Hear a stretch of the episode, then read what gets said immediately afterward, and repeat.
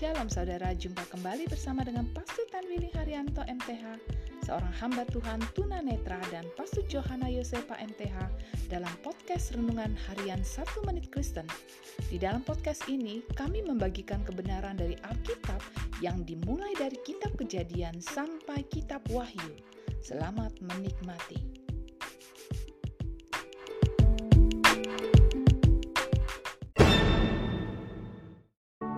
Shalom saudara berharga di mata Tuhan, senang dapat jumpa dengan saudara.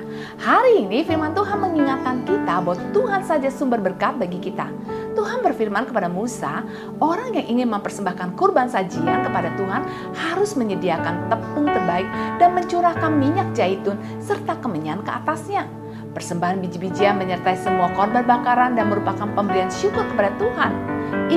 Mengingatkan kita bahwa makanan kita datang dari Tuhan dan kita berhutang kehidupan kepada Tuhan. Saudaraku, ketahuilah bahwa Tuhan bukan hanya sumber berkat, namun Tuhan adalah sumber kehidupan yang memberikan kehidupan kepada kita. Tuhan tahu bagaimana memenuhi kebutuhan hidup kita.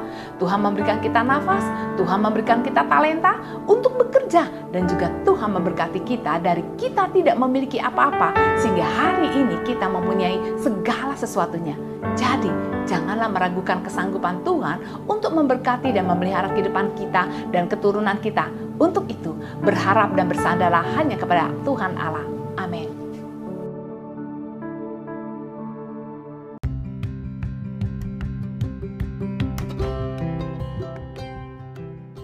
Terima kasih saudara telah mengikuti podcast Renungan Harian 1 Menit Kristen.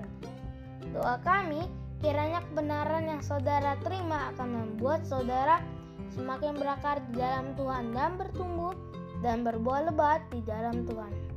Tuhan Yesus memberkati.